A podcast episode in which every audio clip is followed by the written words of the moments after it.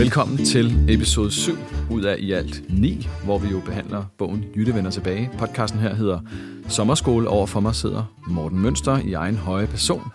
Og det her det er jo altså vores bløde og aktuelle genopdagelse af bogens spændende sider. Mm. Øhm, hvis man er lidt forvirret over, hvor fanden man er landet, så er det fordi, du er landet i afsnit 7. Der eksisterer altså 1, 2, 3, 4, 5, 6 forudgående afsnit, du kan boldre dig i. Ja. Øh, hvis du har lyst. Mm. Du kan også bare lytte her. Øh, men vi er nået til afsnit 7, og, eller kapitel 7, og det hedder, øhm, hvis du vil skabe store forandringer, skal du satse på det små. Ja. Hvorfor hedder det det, og hvad handler det om? Ja. Øhm, og hvis jeg må starte med at korrekte dig, må man gerne det i en Ja. podcast? Ja. Alt det, øh, nu kan det være, at jeg korrekter mig selv lige om lidt. Det er jo faktisk titlen på det tredje paradoks. Undskyld. Læs op. Du skal ikke undskylde, for nu kan vi jo komme til noget endnu bedre. Sådan er der jo en stavefejl i bogen. Det kan vi jo Ej, også få, ja. godt. Og som, er jo, som faktisk er sigende, måske er det skæbnen. Fordi som folk kan huske, når der vi prøver at forvirre dem jo, ni kapitler, men tre dele med tre kapitler i hver. Nu er vi jo nået til det tredje del, Ja. som netop hedder, hvis du vil skabe store forandringer, skal du satse på de små. Og det, der er så genialt, er, at der er jo snedet sig en stavefejl ind i bogen, som jeg troede, vi havde fået udryddet, men den er ret smuk. Så Ja, ja, der står jo, hvis du vil skabe store forandringer, skal du satse. Ja, det er stærkt. Satse alt, hvad du har. Spil noget lotto, mand. Fyr den af. Men der kommer et, spil, et, et eksempel med et spil lige om lidt. Ja. Men, men du er fuldstændig rigtigt. Men kapitlet hedder, tror jeg, 1% er nok. Det gør det nemlig. Ja. 1% er nok. Det var helt med vilje. Det var for at aktivere alle dine gode er refleksioner nemlig, omkring... Der er så øh, meget tillid her i sikkert. øh, situationen. Ja. Øhm, så det handler om, at 1% er nok, og det der er hele tanken her, det er det med, at man skal gå til værks med meget små ting mm. ofte. Så fint, at man har store ambitioner og store idéer, øh, men som jeg plejer at sige, jeg havde jo et folk, der siger, som jeg plejer at sige, for det mm. lyder spædevidende, men som jeg plejer at sige, Som jeg sagde engang. ja, mange gange. En forandring er summen af adfærd, og det kan aldrig være noget andet. Nej. Så en forandring kan ikke være summen af de ting, du har tænkt. I sidste ende skal du gøre et eller andet, for at vi kalder det forandring, i hvert fald det univers, jeg befinder mig i. Mm. Så det plejer folk at være enige om. Kultur er summen af små ting, vi går og gør, og så på et tidspunkt så har vi en kultur. Ja. Øhm, så lad os interessere os for de små ting, Ja. som ligesom danner den samlede sum til sidst. Og det, man jo finde ud af, det er, at det er meget, meget små ting. Og det, der jo er udfordring i mange organisationer, øh, og i øvrigt også privatliv, parforhold, det er, at man har meget store ambitioner, jævnfør jævnloven og overconfidence. Man tror, man kan alt muligt, men i virkeligheden, de forandringer, der lykkes over tid, er ofte der, hvor man er gået meget småt til værks, og har sat sig på vedholdenhed, frem for at hele tiden kigge på de der store ambitioner der. Ikke? Jo. Så altid hold fast i, forandring af summen af adfærd, så lad os kigge på adfærden. Og der er bare ingen unik, isoleret adfærd, som er super sexet. It doesn't exist. Summen af det kan være vild. Altså, summen kan lave en iPhone, men hvis du bryder ned alle de ting, der skete for at få lavet en iPhone, så er det ret kedelige ting. Det er folk, der går et møde, sidder og svejser ledninger, skulle jeg til at sige. Ja. Ja. De siger noget om, jeg ikke har været inde i ja, inderkredsen Du sidder og iPhone. forestiller dig. det er fair nok. Jeg vil, jeg vil sige det samme, Ja. tror jeg. Ja. Men pointen er egentlig bare, at selv de vildeste resultater er summen af en masse fuldstændig ligegyldige, usexede ting. Mm. Gjort nok gange, ja. med nok stedighed og nok innovation, og så lige pludselig bliver det noget vildt. Ja. Så, så, så vi skal øve os i at kigge på det her, de her meget små ting. Og der er en gut, som har... Som du lige har sagt er kedeligt. Så lad os gå ja, i gang så med lad os, kede lad, os. gå, lad os gå i gang med at kede os Meget motiverende. Meget motiverende. og i mange år i øvrigt, for at der kan ske noget. Øhm, Heldigvis i en delightful øh, overflyvning her, ikke? Godt format her. Yes. Øhm, den gut, der hedder James Clear, der har skrevet en bog, som har lagt hele verden ned, der hedder Atomic Habits. Ja. Jeg anbefaler den jo rigtig meget. Jeg har skrevet den faktisk også ind i min bog, og nu ligger den jo simpelthen højere end min bog på Saxo. Ja. Så det vil jeg gerne. Så, så nu den Lad være med at købe ja, det lort. Den er ikke god alligevel. Nej, nej, den er outdated. Mm. Øhm, han har en, en fantastisk, meget enkel graf med, som i øvrigt øh, er fuldstændig vanvittig.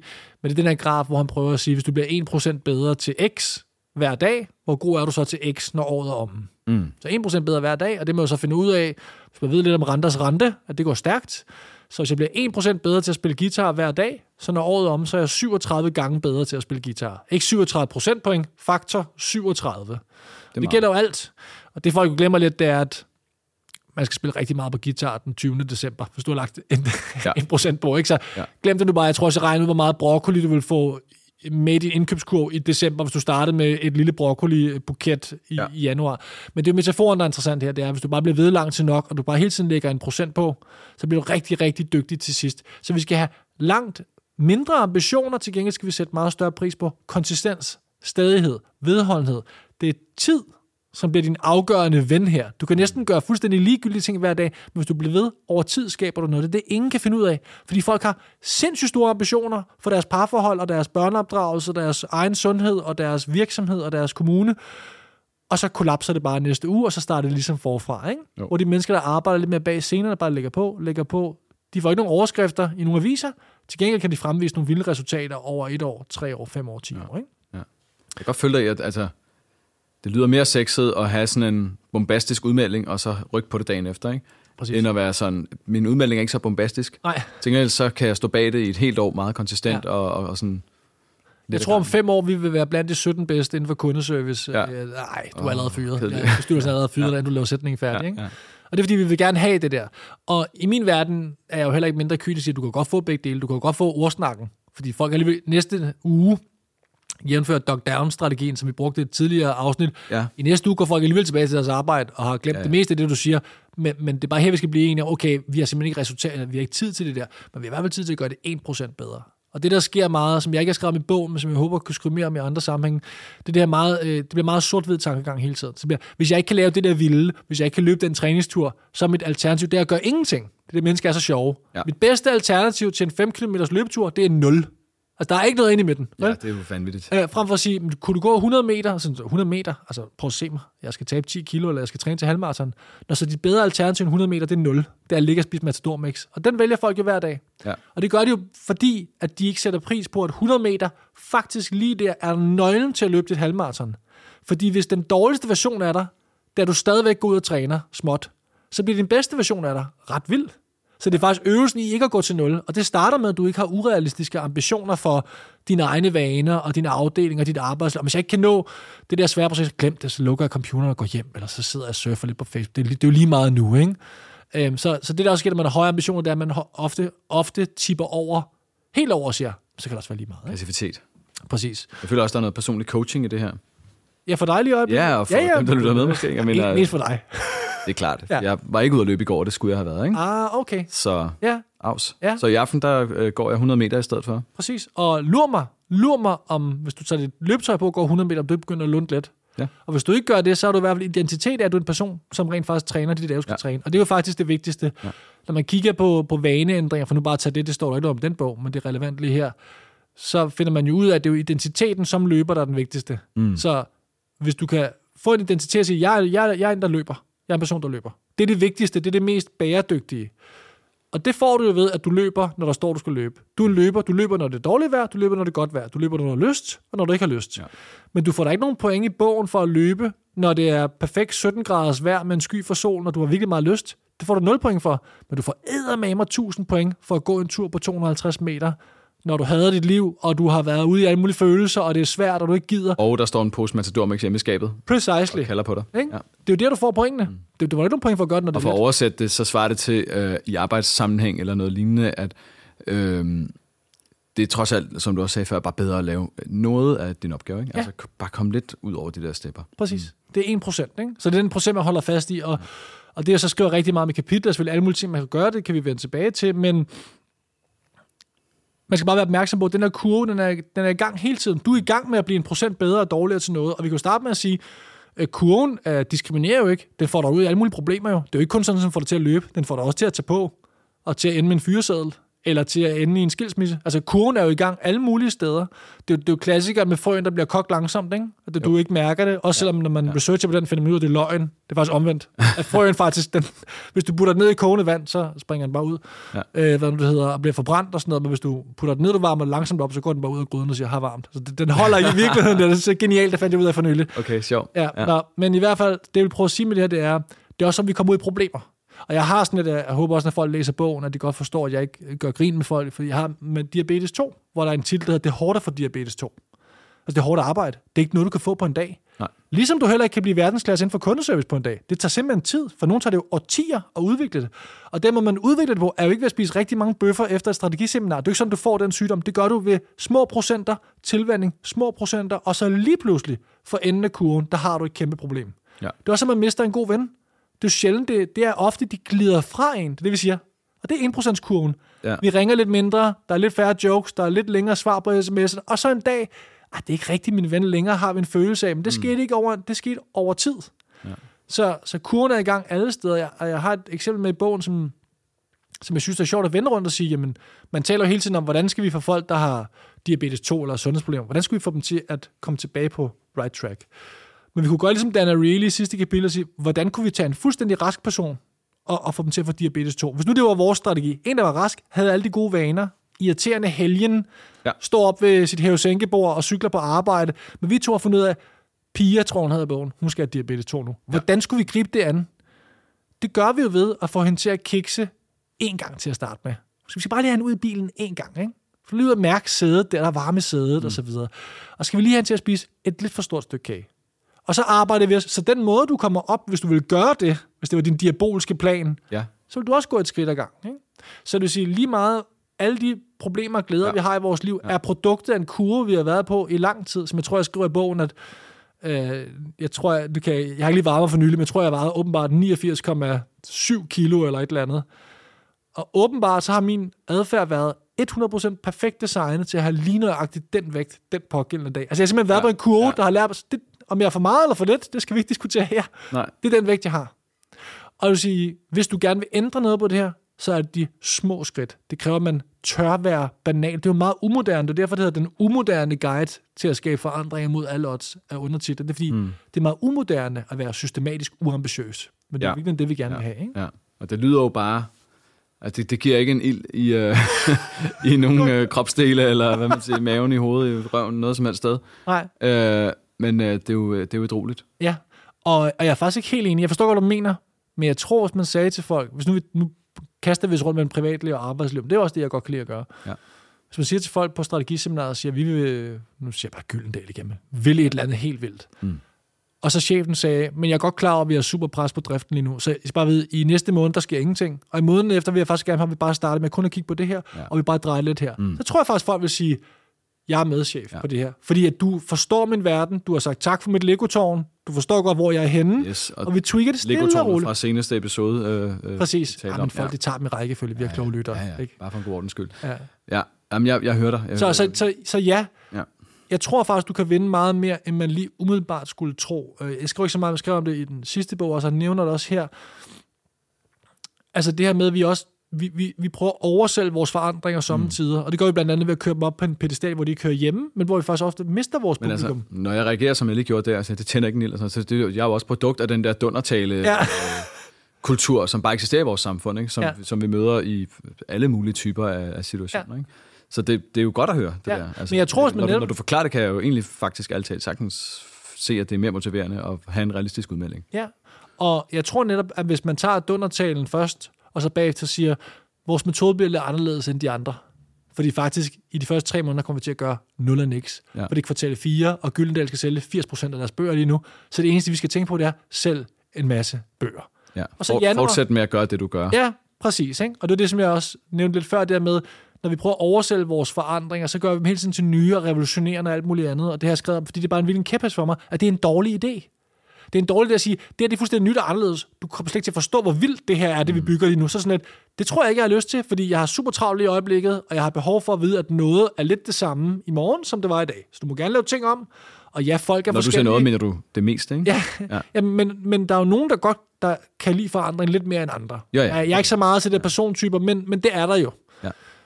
Men faktum er bare, når vi hele tiden siger noget er nyt og anderledes, så tænker folk, okay, så alt det, vi har lavet sidste år, det er Lego-tårn der. Det er lige meget, eller hvad? Det piller mm. bare fra hinanden nu. Mm. Mm. Og i praksis er det jo løgn. Alt er ikke nyt og revolutionerende. Alt er præcis det samme. Det er tilbage til Dog Down.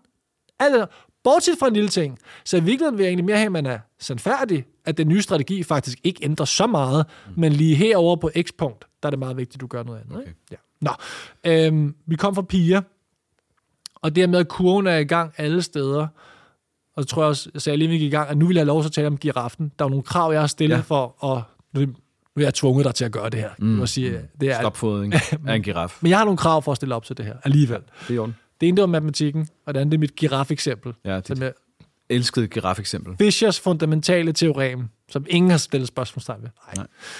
Det, som øh, jeg synes er lidt sjovt, det er det her med, at man ser rigtig mange store organisationer, som gerne vil gøre ting, som små organisationer er gode til.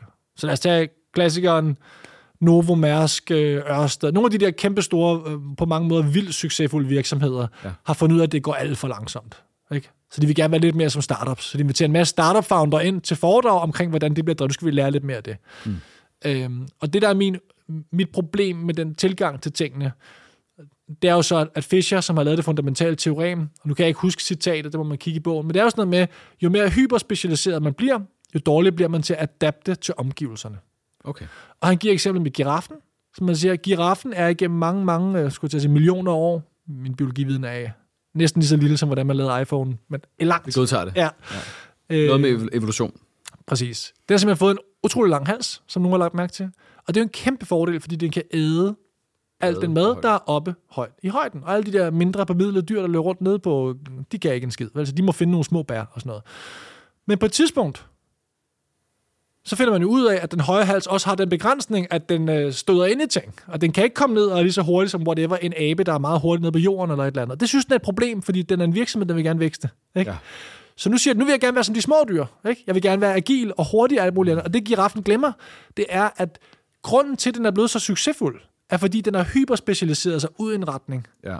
Så Novo kan godt komme og sige, vi vil gerne være hurtige på fødderne og agile og alt muligt andet. Man skal bare huske på, at den måde Novo er blevet succesfuld på, det er at være nærmest det modsat. Det er at være langsom, regelbundet. De har opbygget en solid kompetence for det er derfor, de kan blive ved med at vinde. Det er derfor, de er så sindssygt dygtige. Og det er ikke et argument for bare at stoppe med at prøve at udvikle sig. Det er ikke det, jeg prøver at sige. Så der begynder selvfølgelig giraffe-eksemplet også at falde lidt til jorden. Jeg ved strengt taget ikke, hvilken retning giraffens evolution. Det er selvfølgelig rigtigt nok. Vi ved ikke, om den tager, tager ved at blive kortere, eller mere krum, eller et eller andet. eller den får abefødder på sigt. det kan godt være blevet sindssygt hurtigt på fødderne. Vi må have en eller anden øh, AI-bot til at tegne den der giraffe der. Nå. Men jeg tror, jeg, bruger, jeg, tror, jeg skriver i bogen sådan noget med, at giraffen er sindssygt god til den ting der, men den er elendig til alt andet. Den kommer aldrig til at bruge rejsekortet, den kommer aldrig til at lave en omelet, tror jeg, skriver den stil. Ikke? Den kan intet andet end at æde ting, der er højt op, ikke? og det er derfor, den bare smadrer alle andre dyr. Ikke? Ja. Og, og, og lad os nu bare, hvis vi tager Novo som eksempel, fordi mange kender den virksomhed, øh, er, er jo verdensklasse i ordets forstand en af verdens allerbedste til at gøre noget hyperkompliceret og sofistikeret. Den har også øvet sig på i over 100 år. Så man kan ikke bare komme ind ad døren, og så sige, nu skal vi være agile, hurtigt på fødderne, træffe hurtige beslutninger, fordi det er det, vi ikke kan finde ud af. Vi kan ikke være som de små dyr hernede. Og hvis vi gerne vil være det, så er det 1% af gangen. Ikke? Altså, så er det netop, det er ikke bare noget, vi kan vedtage, efter vi har mødt en startup-founder. Vi skal, vi skal træffe nogle hurtige beslutninger. Så lige droppe et par led i godkendelsen, som jeg lige sagde før. Nej, fordi du har opdraget med, at du må ikke lave fejl her. Mm. Det er medicinalprodukter. Vi skal have compliance på 99,999. Mm. Ellers så er vores virksomhed kaput. Så det der er lidt et problem, det er, at man, man, man springer nogle niveauer over, uanset om man vil gå fra at sidde i sofaen til at løbe et halvmarathon, eller man vil være en sindssygt compliance-styret organisation, der så lige pludselig gerne vil være agil og hurtigt på fødderne, arbejde på tværs af siloer og lave nogle flere fejl. Nej, nej, det er ikke sådan, det fungerer. Det tager lang tid. Ikke? Ja. Og der er, at jeg kan huske, at jeg skrev en bog, men, men der er mange, der har spurgt mig sådan noget, eller sagt, jeg er blevet sådan indhentet på kulturprojekter. Det siger jeg altid nej til. Fordi at folks villighed til det, de vil investere i kulturprojekter. Altså sådan noget organisationskultur. Ja, ja, vi skal have en ny kultur. Ny kultur. Folk skal ændre mindset-stemning. Præcis. Ja. Det bliver der sagt nej til. Primært fordi, hvornår skal vi være færdige med det? Er min næste kvartal? Altså, hvad mm. regner du med? Ja. Ikke? Og man må sige, så, så samtidig spørger folk, hvor lang tid tager det at ændre en kultur? Og tilbage til kapitel 2 af bogen, som vi jo snakker om i afsnit 2, det ved jeg jo ikke. Altså, jeg er ikke nogen Så jeg bruger reference class forecasting. Så jeg siger, hvor lang tid har det taget at få jeres kultur? Altså, hvor lang tid tror du, jeg øvede jer på at blive hyperspecialiseret til at blive den giraf der? Ja. Og så siger folk jo gladeligt 70 år. Jamen, så tror jeg, det tager rundt regnet 70 år at få noget andet. Og så bliver det helt død i blikket. Så dør mødet ligesom det, og så finder de en anden leverandør, der kan levere det på 6 måneder. Ja. Ikke? Og så leger vi den leg, hvor plakater og dundertaler gør, at folk gør, og det gør de jo ikke. Nej. Og jeg havde, øh, og hende har jeg på det nede i bogen, det så jeg det, men der sad og kiggede, øh, en god veninde, som havde, og nu tror jeg faktisk ikke, det er hendes problem, men hun var på en eller anden arbejdsplads, hvor de skulle være mere modige. Ikke? Okay. Og så sagde hun også bare, det, det slog mig bare det der med, hun sagde sådan lidt, tænk hvis du er en meget ængstelig person, du er lidt nervøs, og du er meget regelbunden og sådan noget. Prøv at tænk på, hvor meget en-til-en terapihjælp du skulle have, for at ændre dig til at blive et modigt med. Altså, det er en sindssygt lang personlighedsproces, vi taler om her. Mm. Men når vi arbejder med corporate slides og strategi, så tænker vi skal bare være mere modige. Bullet 2, nå okay, så ændrer jeg bare total adfærd. Ja. Altså, det, det, sådan er det ikke vel. Og det er igen giraffen med den lange hals, der kan sige, nu har vi været så regelbundne, det har vi fået alle fordele af, vi har spist alt det høje, nu vil vi gerne være modige. Så det gør vi fra næste uge af. Ikke? Mm. Hvor hvis du skal ændre dine egne vaner på personlighedsniveau, det er for det første sikkert aldrig vil du kunne, og hvis du kunne, ville det sikkert tage fem år med terapihjælp en gang om ugen, ja. og blive meget mere modig. Ikke? Ja. Så nu overdriver jeg lidt, men det er bare den tanke, jeg gerne vil have, at alt kan lykkes, hvis du har tid nok, og du tør at kigge på de der små inkrementelle ændringer. At det skal også være hensigtsmæssigt. Det, det er jo, altså, nu bruger du Novo meget som eksempel. Det ja. kan der sagtens være, at Novo skal ret sin opmærksomhed et eller andet sted hen og gå den vej, og 1% af gangen og sådan noget. Men det kan også godt være, at de skal fortsætte med det, de er rigtig gode til, ja. frem for at forsøge at være en, altså, være en startup for, for tegnbilledet. Forstår du? Ja, ja, ja, helt klart. Men det er jo klart, man kigger igennem... Man, og, eller giraffen, har den brug for at kunne det, en abe kan? Jamen, der er vi, vi er lidt tilbage til det med sådan vækst og sådan noget. Når vi hele tiden skal have mere ud af det, vi har, så begynder man jo at kigge på alle mulige ting, man er dårlig til. Og jeg kan jo godt lide udviklingstankegangen. Jeg kan godt lide selv at udvikle mig også og mm. sætte mig ind i ting. Men du har jo det problem, som vi har tegnet i nogle af de andre kapitler.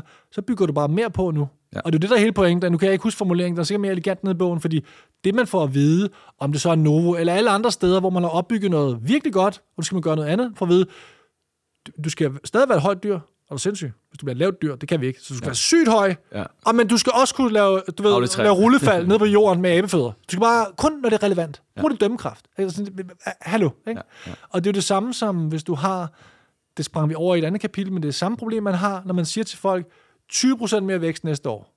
Og det går godt, at folk siger ja til det. I min silo, vi skal sælge 20% mere. Alt arbejder med salg ved, det går kun én vej. Jeg håber ikke, du sælger 20%, for næste år så er det bare 20% mere end det. Ja. Øhm, men du skal også arbejde på tværs af siloer.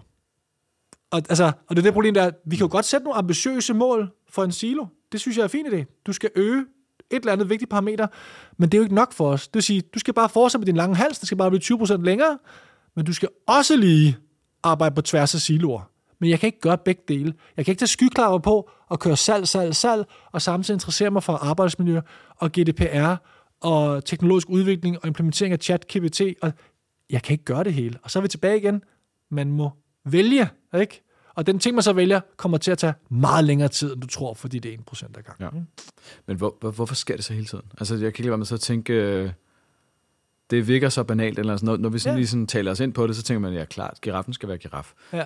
Men hvorfor er det så, at uh, giraffen forsøger at være alt muligt andet? Eller ja. hvor, altså, og man kan jo også sige... Er det fordi de mennesker, der træffer de der beslutninger, de bliver udskiftet løbende, som vi også har talt om i nogle af de tidligere episoder? Jeg, eller? tror, jeg tror, det er fordi, at tingene er mere komplicerede, end jeg forsøger at gøre dem til min bog. Ikke?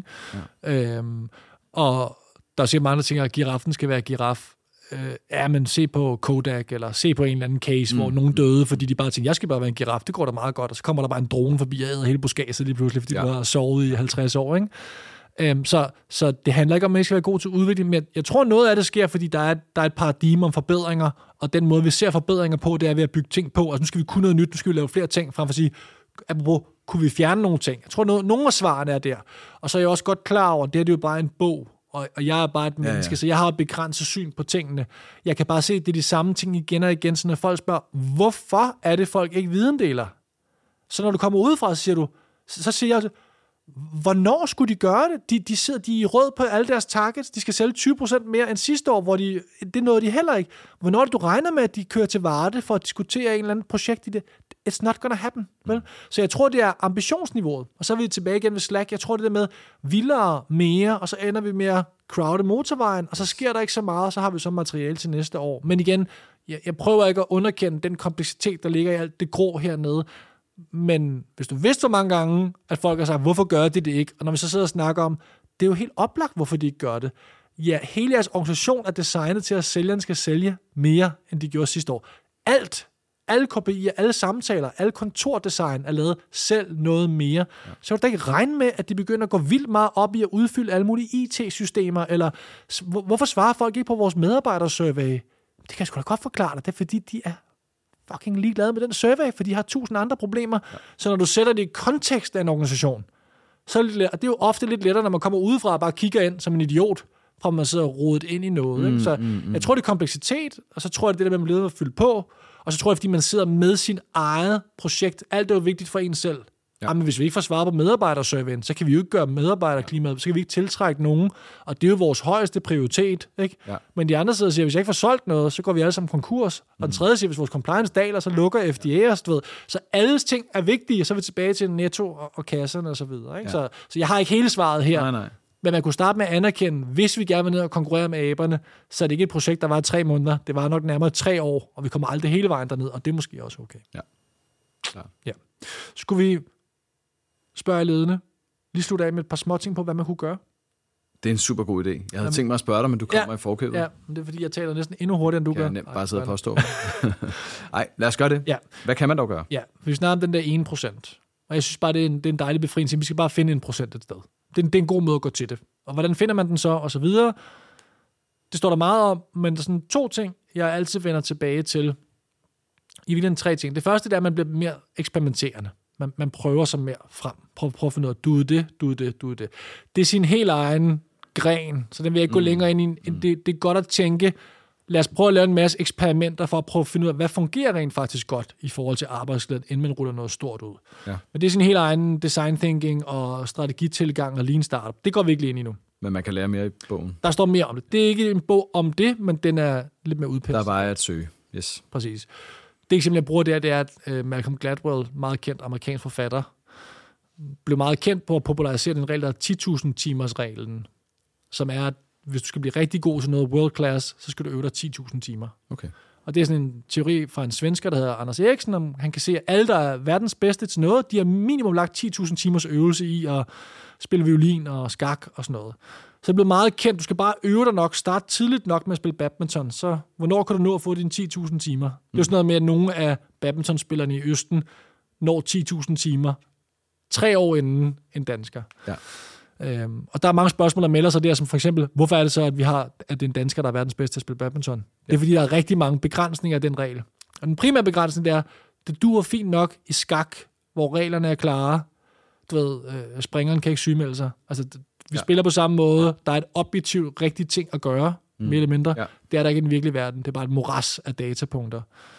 Og der er så andre, der siger, så i høj grad skal du tænke 10.000 eksperimenter-reglen.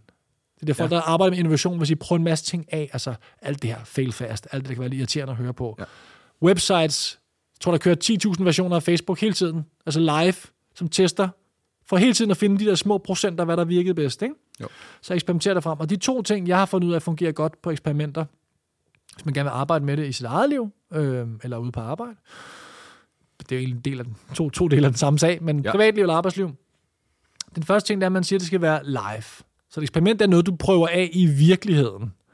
Og det eksempel, jeg bruger i bogen, det er sådan klassisk stand-up-komikere, de tager rundt på små klubber og prøver noget materiale af, for at se, hvornår griner folk, hvor godt kan jeg lide den her joke, inden de går i de store sale. Ikke? Jo. Så der var sådan et eksempel for nogle år siden, hvor jeg tror, det var John Stewart, og han fra Daily Show, altså Ja. kæmpe celebrity, sammen med Dave Chappelle, måske endnu større, de Ja, ja, ja.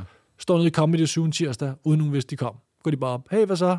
København, og folk er bare sådan lidt, what? Ikke? De vil aldrig optræde sådan et sted. Men det er fordi, de bare har en masse nyt materiale, de står bare og jammer lidt, og prøver ligesom, øh, Anders Madsen gør det også, prøv nogle små ting af, finder de bedste jokes, fyrer det af den store skala. Ikke? Men det er et live-eksperiment. De sidder ikke og eksperimenterer på papiret derhjemme, Nej. de prøver det af. Og mærker efter i maven. Ja. Præcis. Og den anden ting, øh, det er, at det skal være, nu blander jeg to, skal være, Bare lige, undskyld, Ja, ja, okay. så, så live, altså det vil sige oversat til, det er jo ikke alt, der laver stand-up, men, øh, sådan, jeg skal eksperimentere lidt med det tiltag, jeg gerne vil. Øh, Ja, du skal prøve at lave en anden indledning på din mail til en kollega, der ikke gider okay. svare på dine mails. Så prøv, prøv, prøv det lille af. Ja, ja, det ændrer ikke dem, det ændrer ikke jeres dårlige samarbejdsrelation, men nu har du prøvet at gøre noget andet. Ikke? Ja. Ja. At du har prøvet at gå derhen, i stedet for at blive, du prøver at ringe til dem. Mm. Du prøver bare at lave små, men det er bare pointen, at det er live. Hvad folk, altså folk vil gå til yderligheder for at lade være med at prøve ting af. Mm. Fordi derude er det svært, der kan det gå galt. Ja, ja, ja. Det er derfor, vi elsker Så kan papkort. man pege på alle mulige begrænsninger, som gør, at det ikke er muligt. At, Flere papkort. Ja. Ja. Op med dem på væggen. Ikke? Det er ikke live, det her. Det er os, der tænker på en live-situation ude i fremtiden. Det er bare, "Ej, kæft mand, så siger jeg bare det, så gør vi det der, og så har vi lidt mere integritet, og så har vi lidt mere kunde i centrum. Wow, det kører. Ja, det er ikke live, det her. Det er totalt meget på bånd, ikke? Jo. Øhm, så det er den ene ting. Gør det live. Det er bare for at tage nogle lette ting, man kan tænke over. ja. Og den anden ting, det er, at man gør det, man gør det småt. Og det er tilbage til 1% af Ja. nok. Lidt tidligere i bogen, der har jeg et eksempel med fra, fra Mette Nør Ganshorn, der har været med i min podcast, som fortalte om et vidunderligt koncept, de har lavet. Det var da hun arbejdede i Novo, det gør hun ikke mere. Øhm, hvor de havde bedt en masse ledere om at eksperimentere med de her fine ord. Agile, simple. Men så prøv, lav et eksperiment. Hvordan vil du gøre din organisation mere simpel? Fra at vi bliver enige om, du går tilbage og laver et eksperiment, som er noget live, du gør med dine hænder og fødder. Og der var så en, der gerne ville have, at der var færre powerpoints i organisationen. Det er sådan, at alle synes, ej, der er for mange præsentationer. Mm. Så hun et eksperiment, som hun tog en stjerneskruetrækker, og så gik hun ud, og så skruede hun en masse øh, projektorer ud af loftet i nogle møderum. Det er hendes eksperiment. Lad os se, om der kommer, så kommer folk ind. Hvor fanden er projektoren henne? Det ved jeg ikke. Det står over i hjørnet. Åh, oh, det gider vi ikke sætte op. Ved du hvad, vi tager den bare mundtligt. Ikke? Ja. Så, får hun noget, så kommer hun tilbage 30 dage senere, fordi der er en deadline på, og siger, hvordan gik det eksperiment? Hvad lærte jeg af det? Og det, der var smukt i den problemformulering, det var, du skal kunne lave et eksperiment, der er så lille og så let, at du selv kan gøre det, uden at spørge nogen om lov, inden for 30 dage. Det er altså ikke særlig meget, du kan nå at lave. Nej. Men det kræver, at du sænker baren for, Ja. hvor vildt det er. Ikke? Så det der med at sige, Øh, det skal være lille og, og let, og det skal være live. Det er sådan de tre overskrifter, vi giver. Og lykkedes det der PowerPoint? Jeg tror også, det lykkedes, men måske lidt mest som en gimmick. Jeg tror, hun ja. prøvede en af dem. Ikke? Men der er masser af andre eksempler, der er en leder, som sagde, mit eksperiment det er, at jeg, jeg tror, det var sådan noget med, jeg vil tidligst tale som nummer 4 til et møde. Så han siger, Nå, punkt 1, og så bare nummer 4, så venter bare.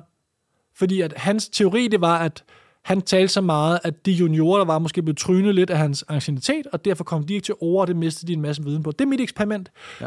Og når du kommer tilbage i 30 dage, siger du ikke sådan, at du har en revolution af ledelse, men du har noget at arbejde med, som er adfærd. Summen af adfærd. Det er jo summen af de ting, der sker til møder, som skaber en kultur for, hvordan vi taler sammen. Ja. Ikke?